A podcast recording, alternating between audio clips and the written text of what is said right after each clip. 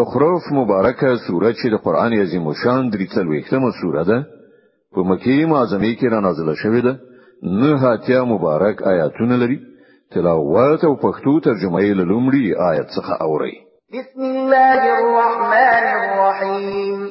د الله په نوم چې ډیر زیات مهربان پورا رحم لرونکی دی حمیم والكتاب المبين إنا جعلناه قرآنا عربيا لعلكم تعقلون حاميم قسم دی په كتاب کتاب بشک مونږه هغه عربي قران ګرځولای دی کې دای شي چې تاسو ور باندې وپوهیږئ وإنه في أم الكتاب لدينا لعليم حكيم او دا په حقیقت کې په ام الكتاب یعنی لوح محفوظ کې ثبت دی زمون په وړاندې د لوړې مرتبه خاوند او له حکمت ډک کتاب أفنضرب عنكم الذكر صفحا أن كنتم قوما مسرفين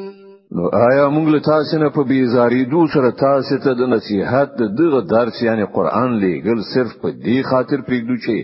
تاسو له حد تیر شوی خلک یاست وكم أرسلنا من نبي في الأولين او څومره پیغمبران مو په پخوا نه یو قومونو کې استولي وما يأتيهم من نبي إلا كانوا به يستهزئون هیڅ کله داسې نه ده شوی چې کوم پیغمبر هغوی ته راغلی وي او هغوی په هغه پورې مسخري نه وي کړی فأهلكنا أشد منهم بطشا ومضى مثل الأولين نو کوم خلک چې له دوی نه ډیر زیات زور ورو مونږ هغوی هلاک کړل د مخکنیو قومونو مثالونه تیر شوي دي ولئن سألتهم من خلق السماوات والأرض ليقولن خلقهن العزيز العليم الذي جعل لكم الأرض مهدا وجعل لكم فيها سبلا لعلكم تهتدون کته له دوی نه پښتنه وکړي چې زمکه او اسمانونه چا پیدا کړی دي نو دوی به خپل وایي چې دا همغه برلاسي په هر څه په ذات پیدا کړی دي هغه ذات چې ستاسو لپاره دغه زمکه زنګ وګرځوله او په دې کې ستاسو لپاره لارې جوړې کړې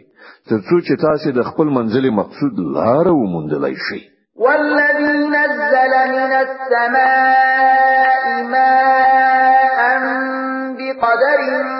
فأنشرنا به بلدة ميتا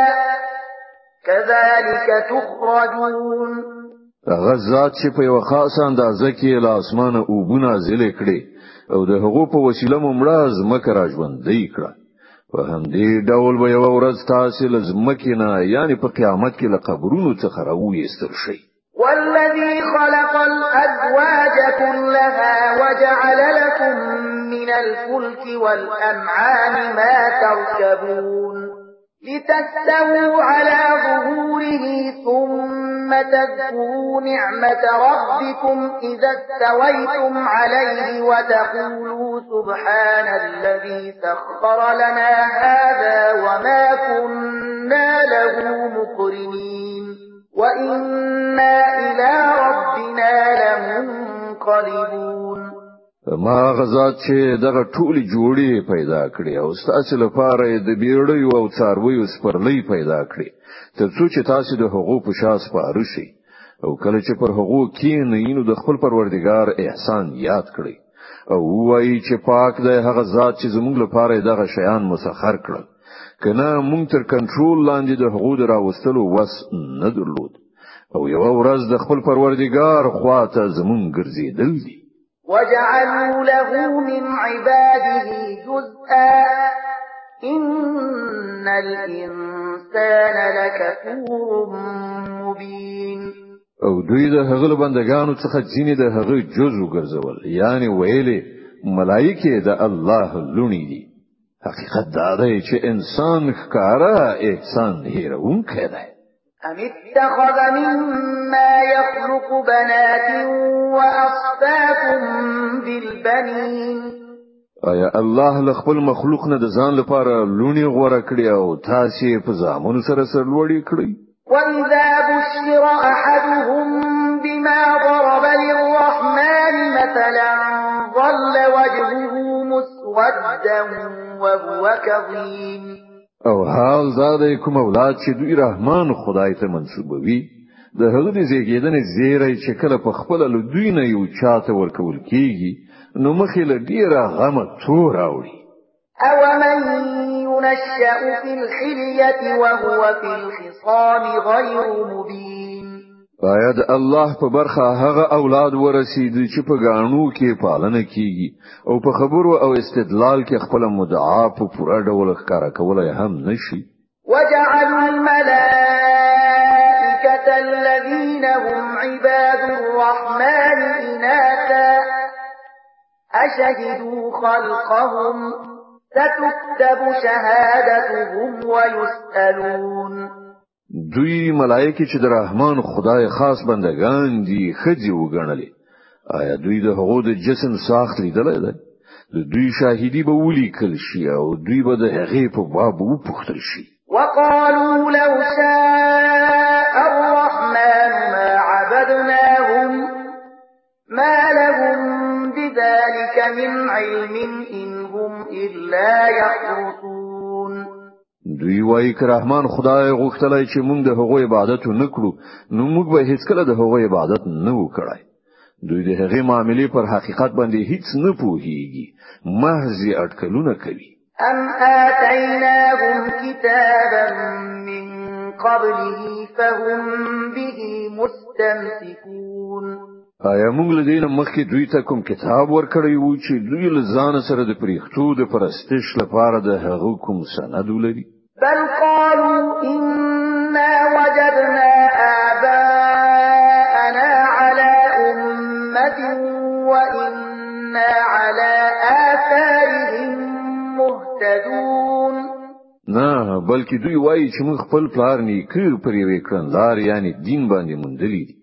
زه هم غو پر قدمونو باندې روان یو وكذلك ما أرسلنا من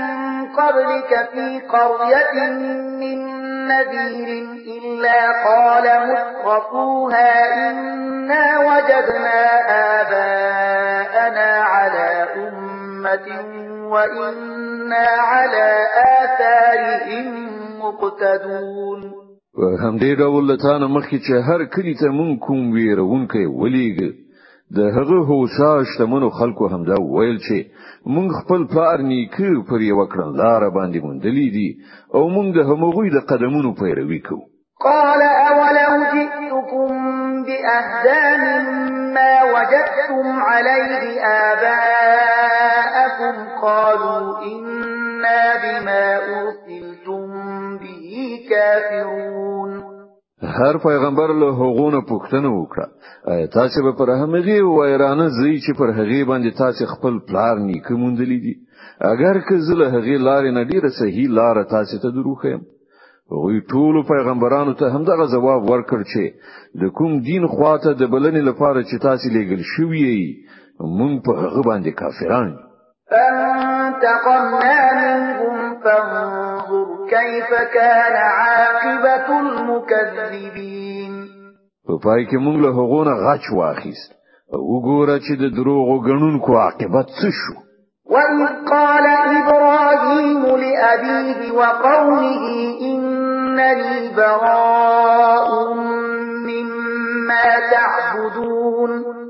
إِلَّا الَّذِي فَطَرَنِي فَإِنَّهُ سَيَهْدِينِ یاد کړه هغه وخت چې ابراهیم خپل پلار او خپل قوم ته ویلی و چې تاسو چې د کوم شیانو بندگی کوي زما له هغه سره هیڅ اړیکه نشته زما اړیکه یوازې له هغه ذات سره ده چې زی پیدا کړم هغه به ما ته لارښوونه وکړي وجعلها كلمة باقية في عقبه لعلهم يرجعون او ابراهیم هم دغه یوازې د خدای عبادت کلمه لزان نه ورشته په خپل اولاد کې پری خودله ترڅو چې هغوی د دې لوري ته رجوع وکړي بل متعت هؤلاء وآباءهم حتى جاءهم الحق ورسول مبين د دې د پاسه هم چې کله دغه خلکو د نورو په بندګۍ لاس پورې کړ نو ما دوی لمنځه یو نه وړل بلکې ما دوی او د دوی پلار نیکته دنیوي متاع ورکړه تر دې پورې چې دوی ته حق دین او څرګند بیانونکی پیغمبر راغی ولما جاءهم الحق قالوا هذا سحر وإنا به كافرون او کله چې دوی ته هغه حق دین راغی نو دوی وویل چې دا خو کوډی دی او موږ د دې له منلو نه انکار کوو وقالوا لولا نزل هذا القرآن على رجل من القريتين عظيم وای دا قرآن د دوه خارونو لولوی سړیو نه پر یو چا باندې ولې نازل نه کړای شو هم یقسمون رحمت نحن قسمنا بينهم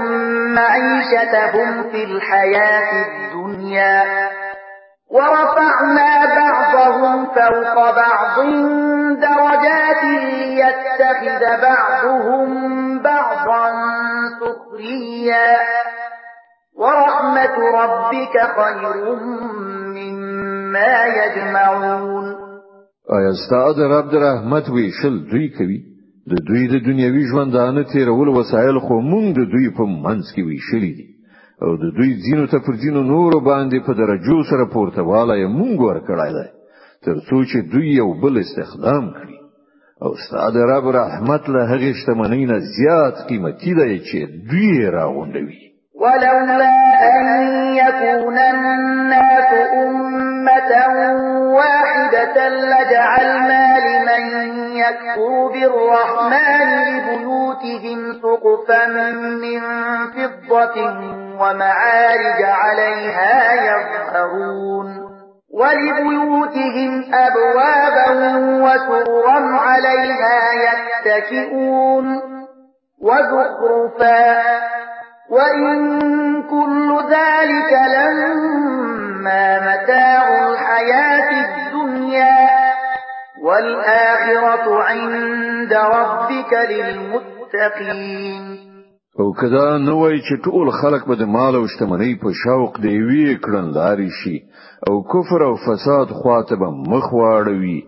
نو مونږ به پر رحمان خدای باندې د کافر کیدونکو د کورونو چتونه او د هغوی زینې چې هغوی ور باندې بامونو تخیږي او د هغوی دروازې او د هغوی تختونه چې هغوی ور باندې تکي وهون کی کینی ټول د سپینو زرو ګرځولیو دا خو محض د دنیوي ژوندانه متاع ده او آخرت ستاد پروردگار په وړاندې صرف د تقوا دارو خلکو لپاره ده ومن يعش عن ذكر الرحمن يقيض له شيطانا فهو له قرين څوک چې د رحمان خدای له ذکر نه ځان په غفلت کې اچوي مونږ پر هغه باندې یو شیطان مسلط وو او هغه ملګری چی وإنهم ليصدونهم عن السبيل ويحسبون أنهم مهتدون دا شیطانان دغه څخه خلق پر سم را باندې لټلو څخه من کوي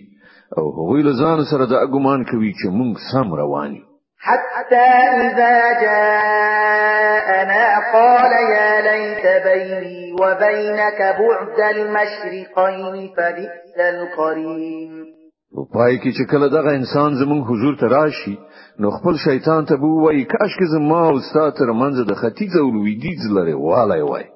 ته خو ډیر بد ملګری شوې ولن ينفعكم اليوم إذ ظلمتم أنكم في العذاب مشتركون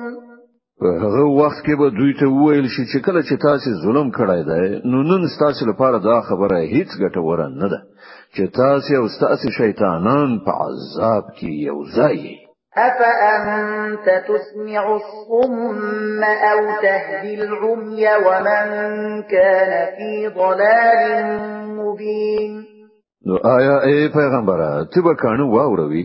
یا بلندو ته پا په څرګند گمراهي کې غرزیدلو خلکو ته لار وخه فإما نذهبن بك فإنا منهم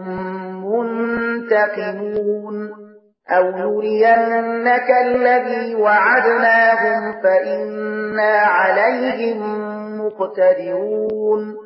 نو یا بداوی چې تا به موږ د دوی له عذاب نه مخکې وفات کړو نو موږ به له دوی نه په آخرت کې غچ واخلو او یا دا چې په تا به موږ وګورو د دوی هغه عذاب چې دوی سره مو وعده کړی نو موږ پر دوی برلاسي یو فاستمسك بالذي أوحي إليك إنك على صراط مستقيم ته په هر حال هغه کتاب ټینګونی سره چې د واهې په وسیله تا ته لیږل شوی دی په یقیني ډول ته پر سم لارې انه لَذِكْرٌ لَكَ وَلِقَوْمِكَ وَسَوْفَ تُسْأَلُونَ حقیقت دا دی چې دغه کتاب قران ستاسو لپاره او ستاسو قوم لپاره یو ډیر لوی پند دی او ډیر جربل تاسو څخه د دې په باب پوښتنه وکړئ شي واسأل من أرسلنا من قبلك من رسلنا أجعلنا من دون الرحمن آلهة يعبدون لتانه مخکې چې موږ څومره پیغمبران لیږلي وو له هغه ټولو نه پوښتنه وکړه آیا موږ له رحمان خدای نه پرته نور خدایان هم د خلکو معبودان ګرځولي وو چې د هغو بندگی وشي د الزخرف مبارکه سوره چې د قران عظیم شان درې څلويختمه سوره ده په مکی معظمه کې را نازله شوې ده نه اتیا مبارک آیاتونه لري تلاوت او پښتو ترجمه یې له شپږ څلويختم آیات څخه اوري ولقد ارسلنا موسى بآياتنا وملئه فقال إني رسول رب العالمين من مشال له خپل نکانو سره فرعون او د هغه د سلطنت اراکینو ته ولیږ او هغه ورغه وی ویل چې زه د عالمیانو د پروردگار پیغمبر یم فلما جاءهم بآياتنا إذا هم منها يضحكون بیا کله چې هغه زمونږ خاني حقوق ته وړاندې کړې نو هغوی ور باندې وخندل وما نريهم من آية إلا هي أكبر من أختها وأخذناهم بالعذاب لعلهم يرجعون مونږ دی ویل پاسه و داسې نه خانه هغوی ته خودل چې لمخکنی نه بلا زیاته لوی و او مونږ هغوی بیا بیا په عذاب کې راګیر کړل ترڅو چې هغوی له خپل چال چلن نه راوګرځي وقالوا يا أيها الساحر ادع لنا ربك بما عهد عندك إننا لمهتدون فلما كشفنا عنهم العذاب إذا هم ينكثون د هر عذاب په وخت کې به هغوی ویل ای کوډګرا د خپل پروردګار له خوا چې کوم منصب در په برخه شوی دی د هغه پر اساس زموږ لپاره له هغه دعا وکړه مونږ به ارو مرو پر سم لار برابر شو او څنګه به چې مونږ له هغه نه عذاب استکاو غوی به خپل خبره نه اوختل ونادى فرعون في قومه قال يا قوم أليس لي ملك مصر وهذه الأنهار تجري من تحتي أفلا تبصرون یو ورځ فرعون د خپل قوم په منځ کې په لوړ غږ وویل اے خلکو د مصر پاچاهي زما نه ده او دغه ویالي زما تر مانی لاندې نه بهيږي آیا تاسو نه وینئ ام انا خير من هذا الذي هو مهين ولا يكاد يبين زخیم که دغه سړی چې ذلیل او حقیر دی او خپل خبره هم څرګند نشي بیانولای فلولا ألقي عليه أسورة من ذهب أو جاء معه الملائكة مقترنين کرخیا ویون کې دا یوالې پر دې باندې د سرو زرو بنګړي راخته نشول یا له هغه سره پرختي پیوسته صف تړلې رانغلي فاستخف قومه فأطاعوه إنهم كانوا قوما فاسقين هغه القوم قوم سپکو ګاڼه او هغه د هغه اطاعت وکړ په حقیقت کې هغه فاسقان خلقو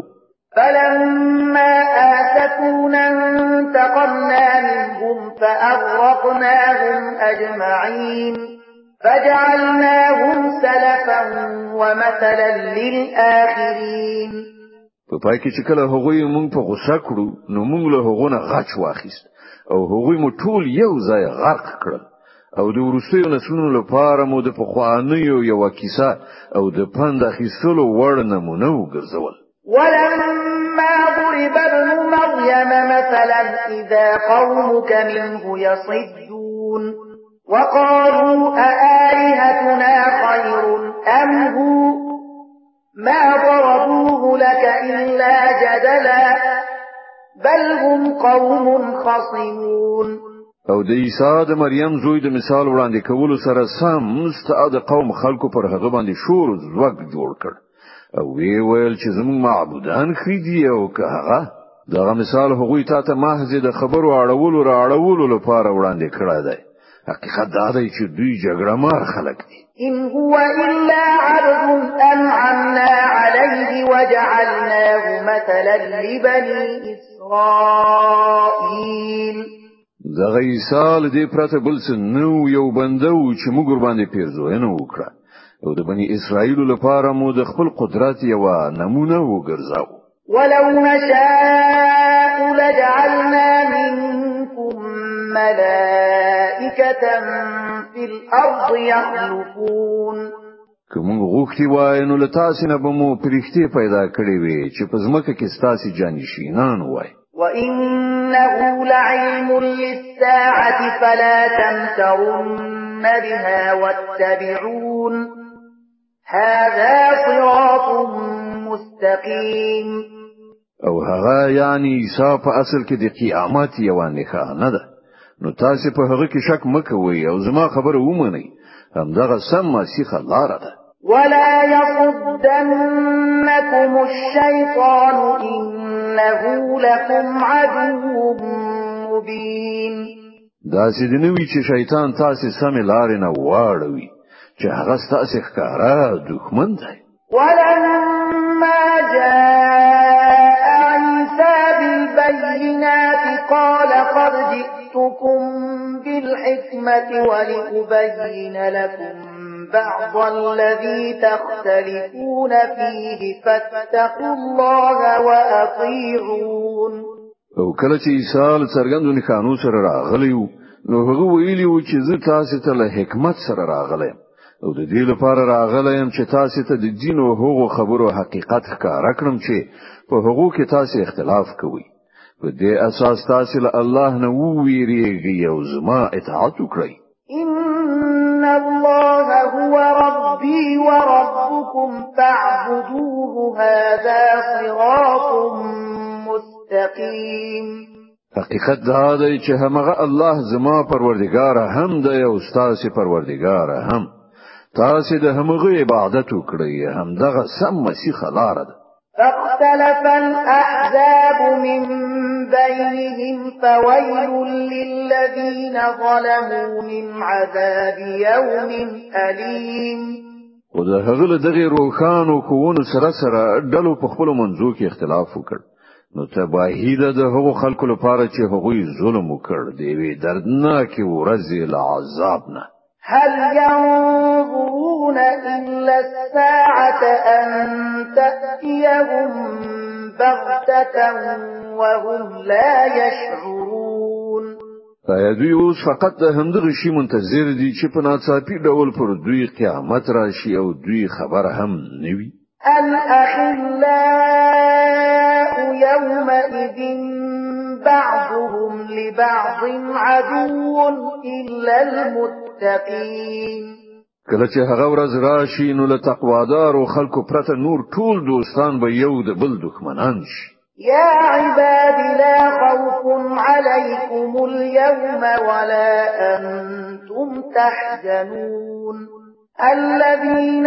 آمنوا بآياتنا وكانوا مسلمين ادخلوا الجنة أنتم وأزواجكم تحبرون په هغه ورځ به هغو خلکو ته چې زمون پر آیاتونه ایمان راوړی وو او امر منون کی وو ویل شي چې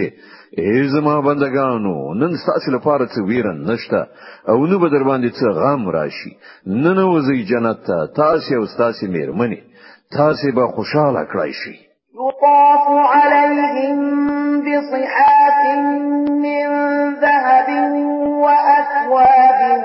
وفيها ما تشتهيه الأنفس وتلذ الأعين وأنتم فيها خالدون د هغو په مخ کې به د سرو زرو ګلاسونه او جامونه ګرځول کیږي او هر زړه خوښونکی او سترګې خوښونکی شی به هلته موجود وي دوی ته وویل شي تاسو به اوس دلته د تل لپاره اوسئ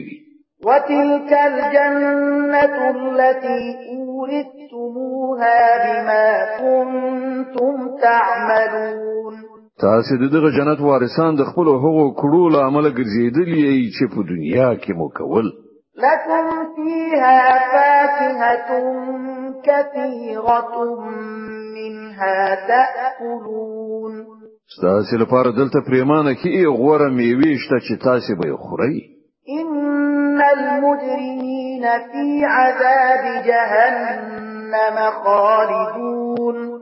لا يفتر عنهم وهم فيه مبلسون فاتش والمجرمان نو هغوی به د تل لپاره د دوزخ په عذاب کې اخته وي هیڅ کله به په عذاب کې کمواله نه راوستل کیږي او په هغه کې به هغوی ناهیلي پراته وي وما ظلمناهم ولكن كانوا هم الظالمين هغوی موږ ظلم نه دی کړی بلکې هغوی خپل پر خپل ځان ظلم وکړ ونادوا يا مالك ليقض علينا ربك قال إنكم ماكثون